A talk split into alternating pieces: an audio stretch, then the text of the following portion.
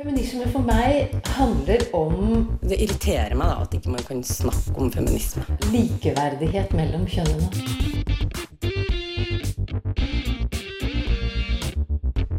Det blikket på kvinnen på film. handlet det om å bli tatt på alvor som jente.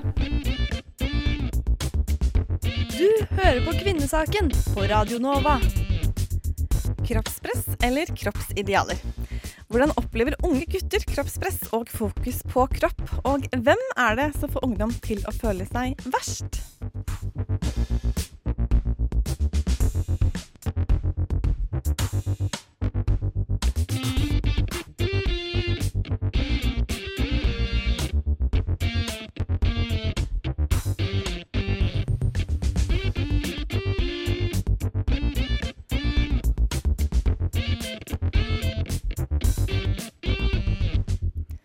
Hører altså på Kvinnesaken på Radio Nova, og det er Eline Histad og Lina Therese Rosberg som skal lede sendingen frem til klokken blir 11. Og det er altså kropp det skal handle om i denne utgaven av Kvinnesaken. Ja, Vi klarte ikke helt å bestemme oss for om vi skulle sette kroppspress eller kroppsideal. Og så var vi litt usikre på om det er det samme eller forskjellige ting. Ja, Så det ble kanskje stående med litt sånn skråstrekk mellom. ja fordi kroppsideal, altså ideal og press, er jo på en måte Ideal er liksom det positive, og press er det negative. Men, men når det gjelder kropp, så vet jeg ikke helt. Kanskje er begge to negative? Ja, At du ikke kan ha det idealet uten at det blir et slags press uansett. Sånn at uh... Ja, jeg har tenkt litt sånn. Ja, rett og slett. jeg, tror du, jeg tror jeg er litt enig. Og så hvis du tenker på hva, hvor, hva press kommer fra, da. Altså et, et slags trykk. Uh, og trykk kan jo også være et bilde. Nå drar man det veldig langt, da. Oi! Men et trykk, Ja. et trygt bilde, liksom. Da. En oljetrykk eller noe sånt noe. Ja, Så det henger jo på en måte sammen likevel hvis man må leke litt med ordene. Det var en, fin, eh, det var en veldig fin kunstnerisk metafor. ja. metafor. Så ja, press eller ideal, det er, eh, det er, det er et trykk uansett, da. Og det er et Mm. man ønsker å leve opp til. Det tror jeg sånn. Eh, vi skal ha masse gjester i dag. Både de som kan litt om eh, menn og doping og press den veien, og de som prøver å gjøre noe med dette presset vi lever i. Det er så bra å få hjelp. Ja, veldig fint. Eh, vi setter i gang. Her er Blunt Truth. Det var Blunt Truth der med Kill the Few. Og eh, vi snakker om kroppspress eller kroppsidealer i dag. Og Lisa Aasbø hun tok rett og slett en tur opp på Blindern og spurte fire stykker om hva de forbinder med kroppspress. Hva er det første du tenker på når du hører ordet kroppspress? Da tenker jeg på alle folka som poster daglig på Instagram noen halvnakne bilder av seg selv, og som bare lever for å vise at de er fit. Da tenker jeg på eh, hverdagen til veldig mange jenter og mange gutter. Og så tenker jeg på at det kanskje er en liksom utvikling nå i de siste 10-20 årene til en ekstrem grad pga. media og sosiale medier og sånne ting. Når går det fra å være et ideal til å bli et kroppspress? Det vil jeg tro er når du på en måte føler at du kanskje må endre altså livsstilen din, på en måte.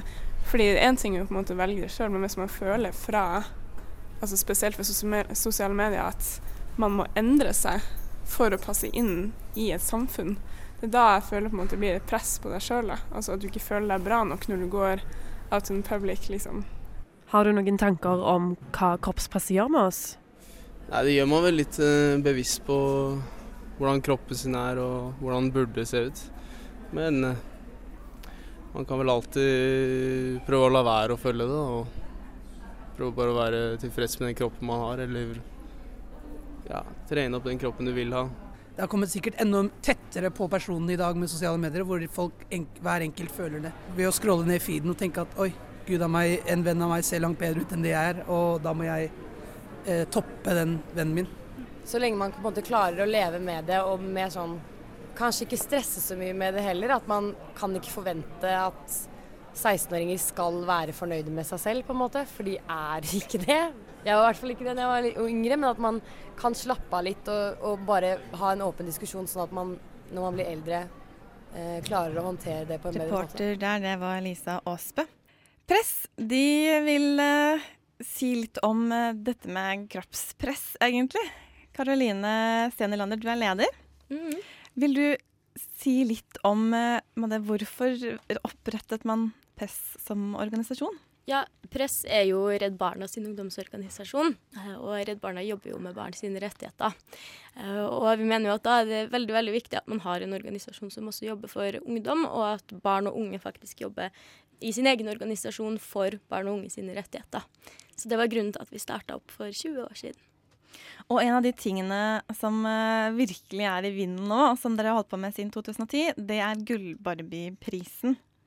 Vil du si litt om hvorfor det her ble Hvorfor opprettet man denne prisen?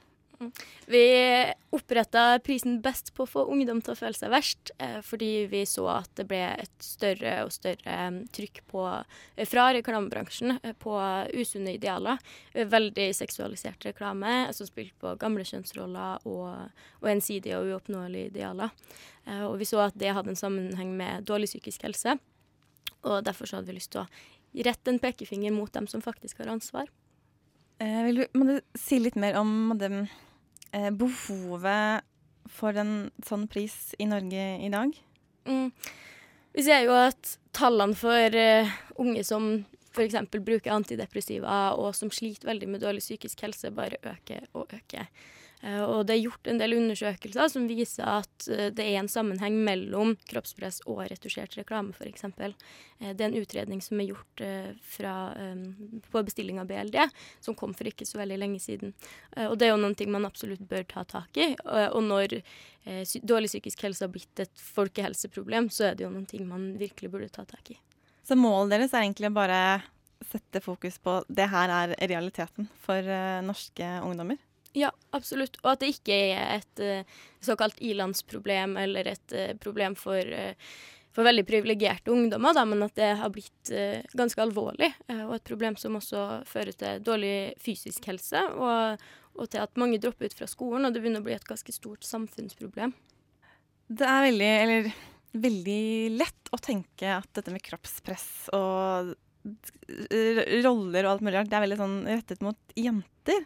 Men dere representerer jo både gutter og jenter. Opplever dere selv at dere når også til guttene?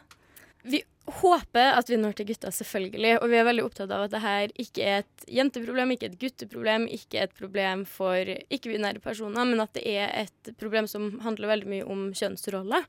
Eh, At det ikke kun handler om kropp, men også at det handler om eh, hvordan man, eh, eller hva slags forventninger man har til å være jente. Hvordan man skal se ut, ikke minst, men også hvordan man skal oppføre seg, hva man skal like, og hva man skal aktivt gjøre. da. Din eh, forgjenger Andrea hun sa noe for et år siden om at eh, det er ikke ungdommen som er problemet, det er reklamebransjen.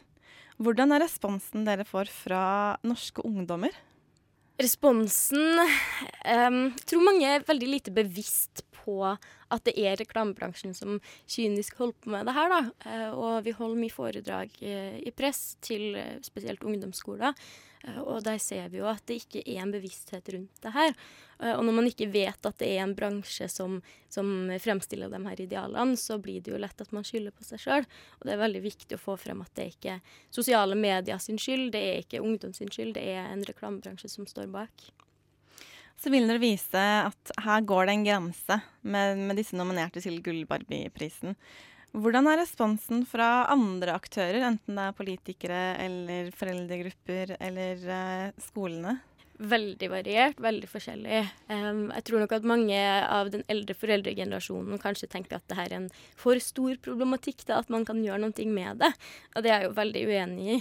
Man må nødt til å ta tak i det i små kanter og starte et sted, og det her syns jeg Gullbarbie er et godt sted å starte. Um, politikere er positive. Jeg tror de syns det er godt å ikke få alt ansvaret hele tida. Eh, Men det her er jo selvfølgelig også et politisk ansvar. Men det er jo en litt annen sak enn akkurat Gullbarbie-prisen igjen. Selve utdelingen av prisen den skal foregå neste uke, så vi skal ganske snart snakke litt mer om eh, dette prosjektet og hvem de nominerte er. Men aller først Sevda Leise. She's tainted gravity. One Arm Lullaby hører du her i Kvinnesaken på Radio Nova, som har besøk av eh, Karoline leder i Press ungdomsorganisasjonen til Redd Barna, og hun er her for å snakke om Gullbarbieprisen. Og da lurer jeg litt på, Karoline, hvordan er det hele denne prosessen med nominering foregår? Mm. Eh, Gullbarbie-nominasjonene åpner vi for i november hvert år. Eh, og det er da sånn at eh, alle i hele, den, hele landet kan eh, sende inn den, den aktøren de mener er best på å få ungdom til å føle seg verst. Så vi får inn Ofte får vi inn noen enkeltstående reklamer. Vi får inn mye internasjonale aktører. Vi får inn en del nasjonale, og på veldig ulikt grunnlag. Og etter det så går vi gjennom alle nominasjonene. Ofte får vi inn mellom en, ja, 20 og 50 nominasjoner. Eh, Vi går gjennom alle sammen, eh, og det er veldig viktig for oss at de nominerte er, er aktører som har utmerka seg over tid, eh, og ikke at det er en enkeltstående reklame. Og etter det så velger vi ut en, rundt ti stykker som vi mener er skikkelig ille, og så går de videre til et ungdomspanel som demokratisk velger frem hvem de syns er verst. Så da har vi en stor diskusjon og debatt, og så velger vi da ut ifra hvem som får flest stemmer. Så det er en veldig sånn demokratisk og aktiv prosess. Ja, vi mener i hvert fall at det er det. Og så er det da kommet eh, frem til tre store nominerte. Vil du si litt om hvem som er nominert eh, i år? Ja, vi har tre nominerte i år. Eh, Det er Proteinfabrikken, som selger en del ja, kosttilskudd, men også en del Stort sett proteinpulver for at man skal kunne bygge muskler og bli sterkere og se flottere ut. Eh, Og de er nominert eh, litt pga. den måten de fremstiller ulike kjønn på, eh, men mest for ensidige idealer. Eh, Og så har vi også Brun og blid, som er en solariumskjede eh, som eh, har veldig store reklameplakater i mange av de store byene i Norge, eh, hvor de fremstiller ekstremt ensidige idealer. Og, og ofte så er det ikke engang et produkt inne i bildet, men kun en kropp som vises. Og til slutt så har vi Dagbladet, som er nominert for eh, unødvendig seksualisering og for eh, ensidige idealer, men også kjønnsrollemønster. Den mest overraskende er vel kanskje Dagbladet. Er det første gang det er en avis som eh, er nominert til den prisen her? Ja, det er første gang. Så nå har konkurransen gått fra å kun ta for seg reklameaktører til å også handle mer om media sin rolle. Og så var det litt sånn snakk om eh, underveis i låta her. Eh, er Dagbladet så veldig mye verre enn en VG? Ja. Eh, for det første så fikk vi bare inn Dagbladet som nominert medieaktør. Altså det er kun dem vi har gått inn og aktivt sett på hvor ille er. Men vi mener jo at når man tar en sammenligning gjennom året, så er forsidene til Dagbladet desidert verst. Så har dere jo noen kriterier for, hvor, ja, for å bli nominert. Vil du bare si litt mer om akkurat eh, hva som må til for å være så uheldig eller så dårlig til å bli nominert? Det som må til, er jo at man eh, når ut til mange unge, eh, og at man spiller unødvendig mye på sex i reklame eller i, i mediefremstillinger. eh, Og at man fremstiller veldig eh, skjønnhetsideal, og, mm, og spiller på gamle kjønnsroller. Og så skal det være en debatt i forbindelse med denne utdelingen, eller prisutdelingen. Hva er det dere skal debattere? Denne, det er 4. februar. Ja, 4. februar eh, på Litteraturhuset så kommer vi til å ha utdelinga av eh, årets Gullbarbie.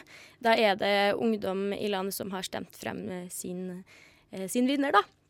Så det er ikke vi som kårer vinneren ut ifra et feilaktig grunnlag, men det er ja, rundt 10 000 som har stemt på hvem de syns er best på å få ungdom til å føle seg verst. Eh, Og i den debatten så håper vi jo selvfølgelig at alle de nominerte har lyst til å stille, eh, og at vi debatterer både reklamebransjen og media sin rolle når det kommer til å påvirke ungdom sin psykiske helse. Jeg lurer litt på en ting. Det er kanskje et litt dumt spørsmål, da. Jeg så et bilde av en sånn stor spraylakkert gullbarbie. Er det sånn at dere faktisk deler ut til, til eh, en pris, da? Til en prisvinner? Vi pleier å dele ut en liten eh, gullakkert dukke, eh, og så har vi en stor en. Eh, Mm. Den kommer i år til å deles ut til det lokallaget i press som har samla inn flest stemmer, så de også får en pris. Men vi har en stor gullakkert dukke på kontoret, Ja, ja. for jeg så, sånn, så for meg sånn veldig walk of shame å ta med seg den store utstillingsdokka ned til uh, Vi, lokalet. ja, vi har tenkt tanken. Men eh, Eh, men tidligere så har ikke eh, vinneren ønska å faktisk ta imot den fysiske dukka. Eh, så grunnen er kanskje at det er litt enklere å ta med seg. Så Ja, i fjor var første året der eh, den som vant, faktisk fikk med seg den ekte dukka. Da håper vi at det skjer i år også. Mm. Mm. Takk til deg, Karoline Sten Leander fra Press. Her er Pale Honey.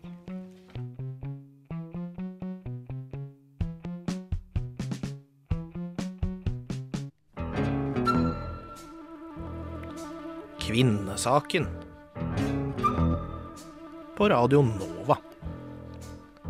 Kvinna K-V-I-N-N-A Det var sa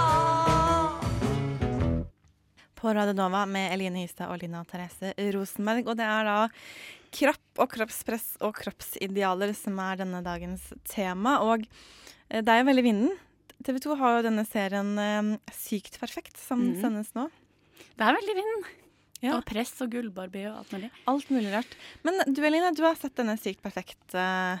Ja, eller jeg har i hvert fall sett den. første episode. Det var et sånn en måned gratis TV2-sumo. Så da har jeg sett den første episoden. Og det er jo da Foreløpig er det vel fire jenter som filmes, og så tror jeg det kommer flere etter hvert. Som på ulike måter utsettes eller opplever et stort press da, i hverdagen sin, kan man vel sånn kort fortalt si. Ja. TV 2 de har sagt selv, både hun som er produsent og han som er programredaktør, at de vil skape større forståelse for hvordan unge jenter har det i dag, og det presset og den psyken de lever med hele tiden.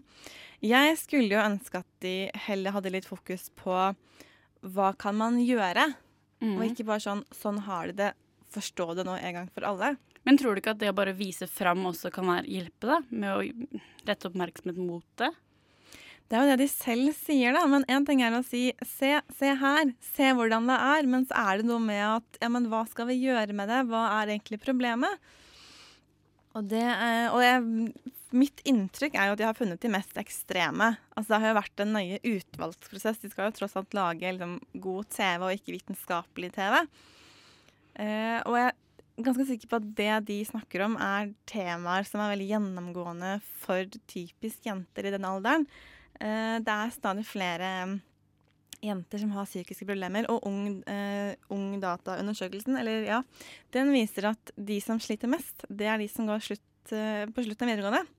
Og Det kan jo tyde på at det, er noe som, det bygger seg opp over ganske mange år, da. Og så mm. bare eksploderer det på slutten. Der du virkelig skal klare deg selv og Ja. finne ut hvem du egentlig er. Jeg tror det er, det er veldig sant, da. Det er ikke så mange gutter her, da. Det er det eneste. Nei, det er ikke det. De har fått kritikk for ikke å ha med noen gutter. For det var 95 av søkerne, de var jenter. Tydeligvis ingen gutter som vil snakke om kroppspress, men jeg, jeg tror det er sånn at gutter blir pressa likevel. Vi får jo ganske snart besøk fra Bjørn Barland og Ole Bredesen Nordfjell, som skal hjelpe oss litt med det her. Hvordan er det egentlig med gutter og kroppspress? Men først litt eh, svensk musikk. Her er eh, Vita Bergen.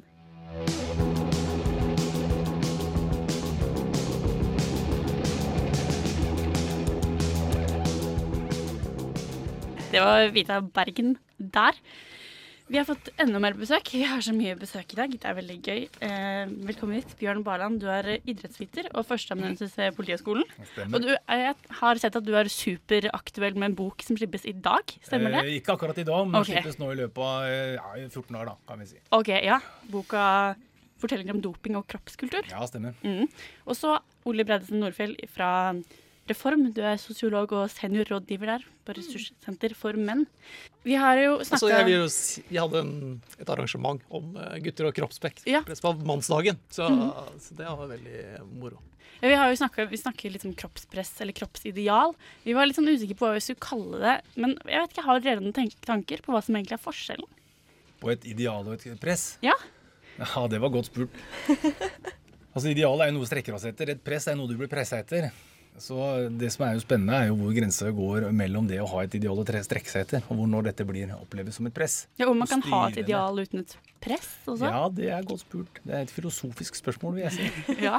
Jeg tenker jo Hvis det, er, eh, hvis det dominerer livet Mm. ditt, eh, og du ikke får på en måte ja, vanskelig å få seg kjæreste, vanskelig liksom å holde en jobb, eller det, det er på en måte denne kroppen som liksom har tatt over hele, hele tilværelsen din, så da, da må det ligne et, et press, tenker jeg. Det er, jo, det er jo, som du spør om, veldig sånn i dette med kropp og kroppspress og, og samfunnets opptatthet av dette, så her ligger jo akkurat disse utfordringene. Så det å ha fra noe av dette er jo en glidende overgang fra sunne interesser, ikke sant, som alle holder opp som viktig, til et eller annet sted inni dette her så tar dette over et menneskers liv.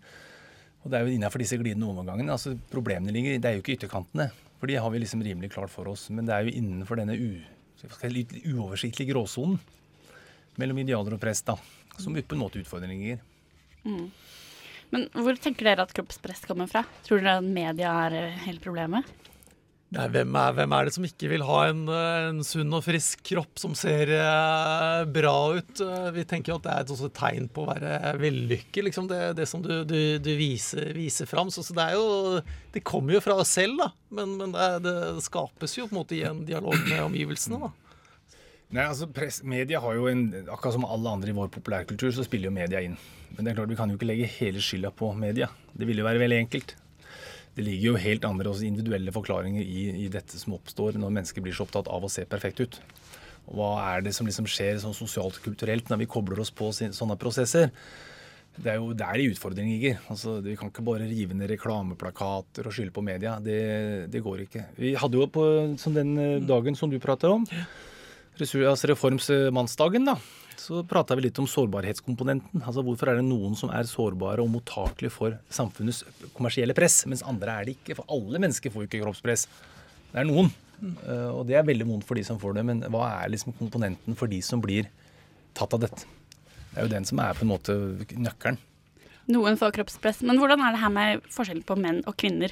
Jeg har et inntrykk av at det gjerne snakkes mer om kvinner og kroppspress. Hva tror dere?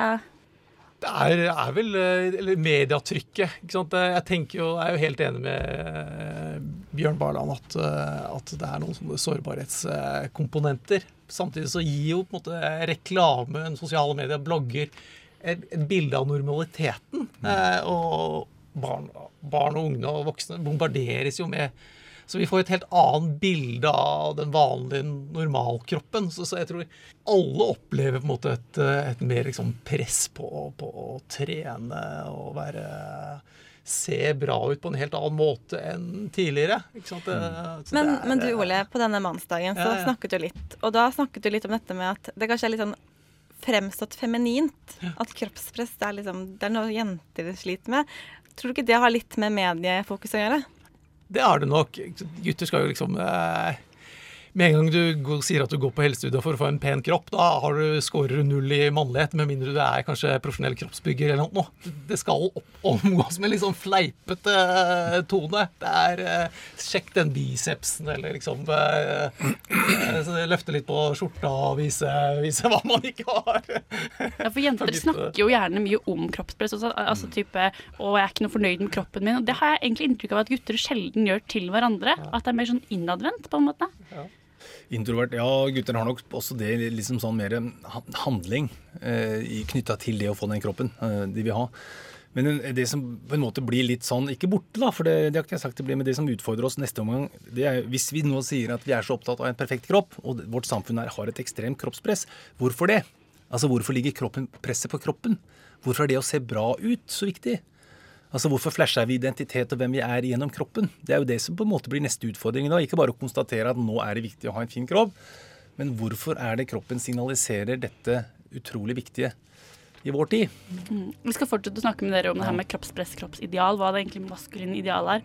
Men først, jeg vet ikke, tittelen her kan nok passe ganske bra, som heter The Swimsuit Body Illusions av Anana her. Var Swimmers Body Illusion der med Anana. Og vi snakker eh, om kroppsideal, kroppspress her i Kvinnesaken i dag, og har fortsatt besøk av Bjørn Barland og Ole Bredesen Nordfjell. Hva er egentlig det maskuline idealet? Eller eh, hva Jeg tror nok alle, alle vet det som eksponeres for, eh, for reklame og går rundt på, på gaten. Så ser man jo på en måte at en, en måte slank, veldefinert, muskuløs kropp, veltrent, ung At det er, eh, det er et eh, maskulint ideal. Eh, du har kanskje mer å fylle inn her, Bjørn? Akkurat som Ja, det var, det var i hvert fall det. Når jeg jobba på, på, med dopingtelefonen, så var jo veldig mange spørsmål den gangen for noen år tilbake om Brad Pitt. da, om Hvordan få en sånn kropp. Han liksom var på en måte eksempelet på, det, på den perfekte guttekroppen. Nå er det nok andre som har tatt over etter han kanskje etter hvert, men eh, det er dette som du sier, slank og markert, muskuløs. Det er liksom ikke den gigantiske kroppsbyggerkroppen lenger som er så inn. Det er det mer den fitness-idealene.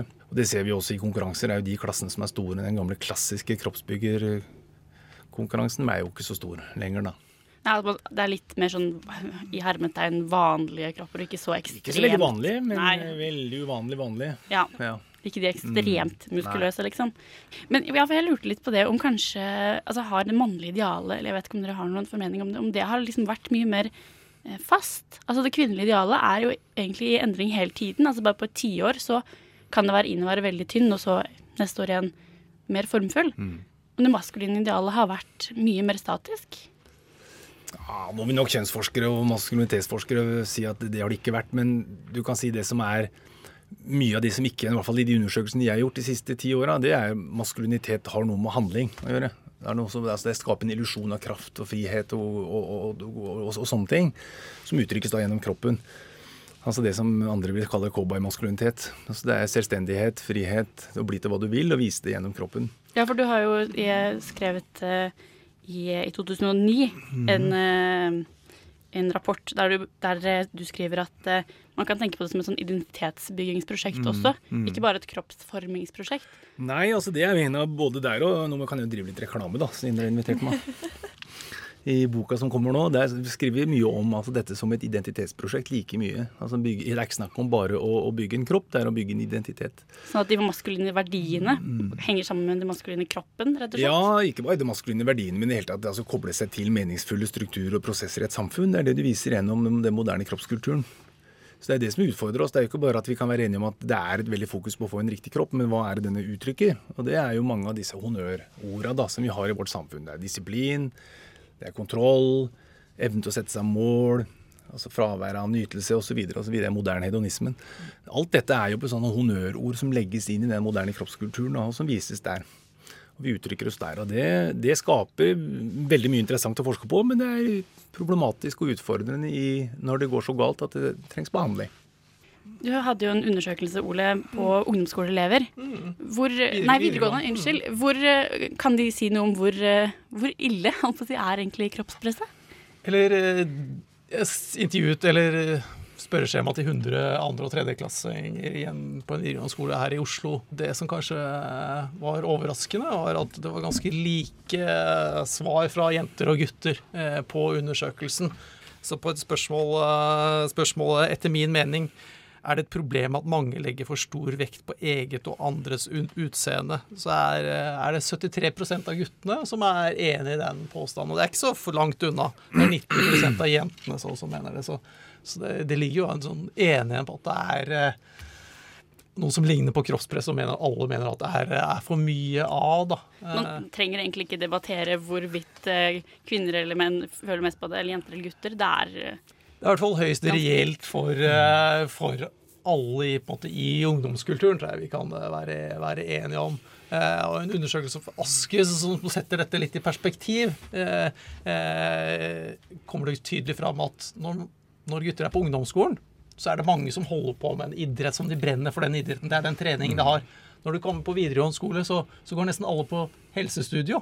Eh, at man holder ikke på med idrett og trening fordi det er noe man er eh, opptatt av, eller fordi det er gøy. Det er mye på grunn av, eller En viktig komponent er fordi at det er, skal uh, pga. utseendet. Så, og det svarer, svarer både jenter og gutter i den undersøkelsen eh, her, da, at eh, 65% av gutta og 70% av jentene sier at eh, det å få et bedre, bedre kropp og utseende er en, en av de viktige grunnene til at jeg trener. Så Vi skal fortsette å snakke med dere, og jeg lurer også litt på det her med når det går over til doping, å bruke doping, da. Hva som egentlig skjer når det blir så sykt, kan man kanskje si. Men først Smears og Because.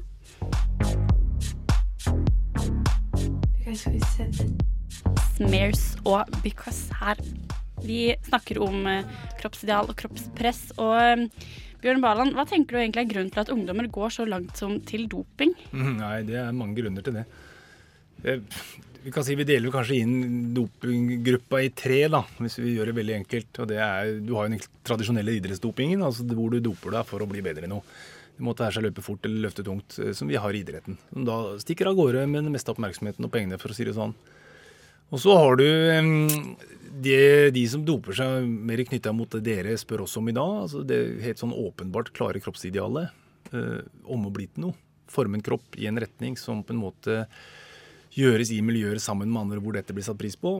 Og så er det klart en, en trefaktor i dette her som ligger veldig tett opp til tradisjonell rus og rusproblematikk. Det er gjør, det er litt avhengighetsskapende, kanskje ikke sånn fysisk, men psykisk.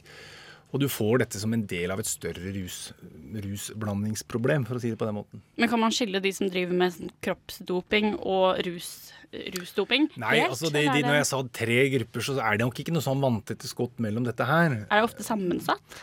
Det er sammensatt, og du kan gli litt fra det ene og andre. Men når vi liksom nærmer oss de ungdomsgruppene og intervjuer de, så har vi kanskje med oss en sånn, en sånn bakhodemodell der vi prøver å dele det inn i tre, da, bare sånn for å få en slags orden i alt det vi finner. Eh, men det er jo glidende overganger, og det er ikke noen absolutte grenser osv. Nei. Men sånn kjønnsmessig, vi, er jo, vi vil jo gjerne snakke om forskjellen mellom menn og kvinner, eller om det er noe forskjell. Er det noe forskjell mellom menn og kvinner når det gjelder eh, doping? Ja, foreløpig er det mest gutta som driver med dette her, absolutt.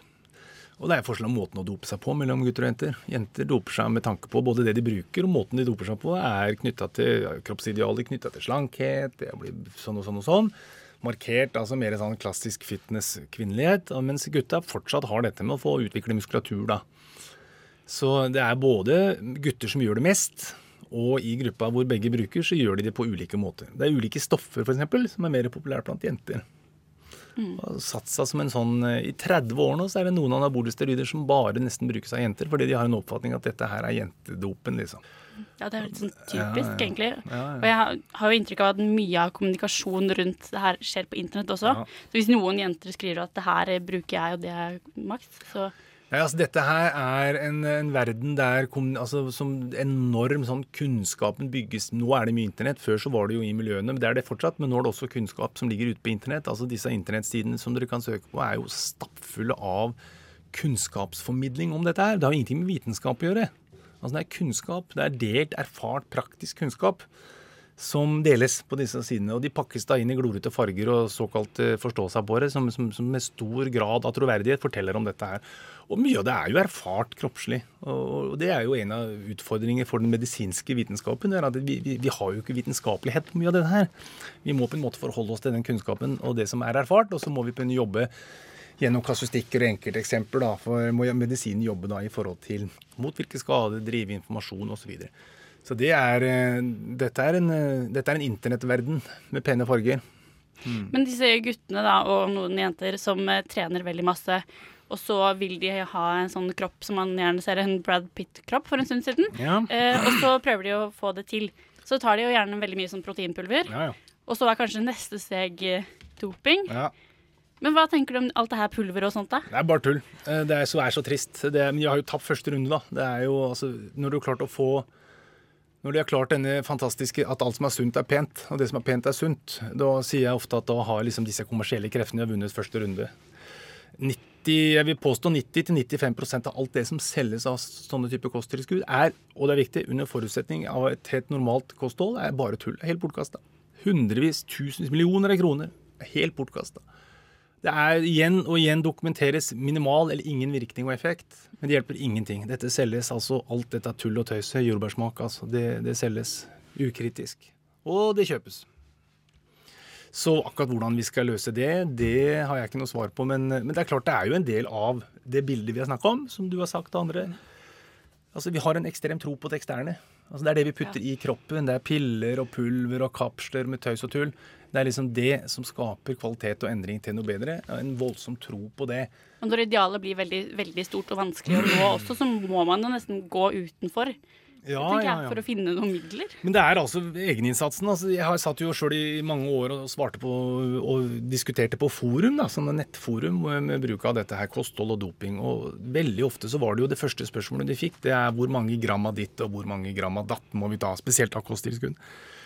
Og veldig ofte måtte jeg svare altså, har du begynt å trene, har du prøvd å trene? Har du prøvd faktisk å gå i et vektrom og trene litt? Det er liksom det som til syvende og sist påvirker en, en muskel. Og det var faktisk der diskusjonen lå, blant noen av de unge. Altså, de hadde en ekstrem tro på at bare du begynner å spise riktig av dette pulveret, så, så kommer det andre. Og da sitter vi vel da med en eh, med skyld, da. Med, hvor er kunnskapen hen her, altså? Her er, dette er et kunnskapshøl som de kommersielle kreftene har fylt ekstremt dyktig med ulik type kosttilskudd, tilsatt smak. Skal la den advarselen mot proteinpulver bli siste Ja, men ord Det er veldig sånn moraliserende. Ja, men men jeg står for det, altså. Det er, eh, jeg vet jo at jeg har tapt, da, så jeg kan jo bare si det. Vi får håpe du vinner til slutt. Tusen takk for at dere kom, Bjørn Barland og Ole Bredesen. Nordfjell, her er eh, Cashflow. Det passer jo godt.